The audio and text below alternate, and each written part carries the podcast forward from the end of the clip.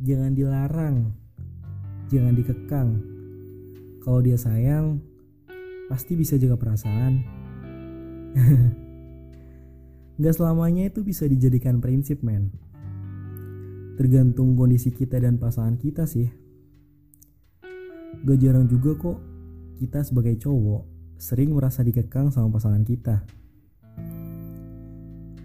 Tapi dia ngelarang atau ngekang pun pasti punya tujuan dan yang pasti ada alasan.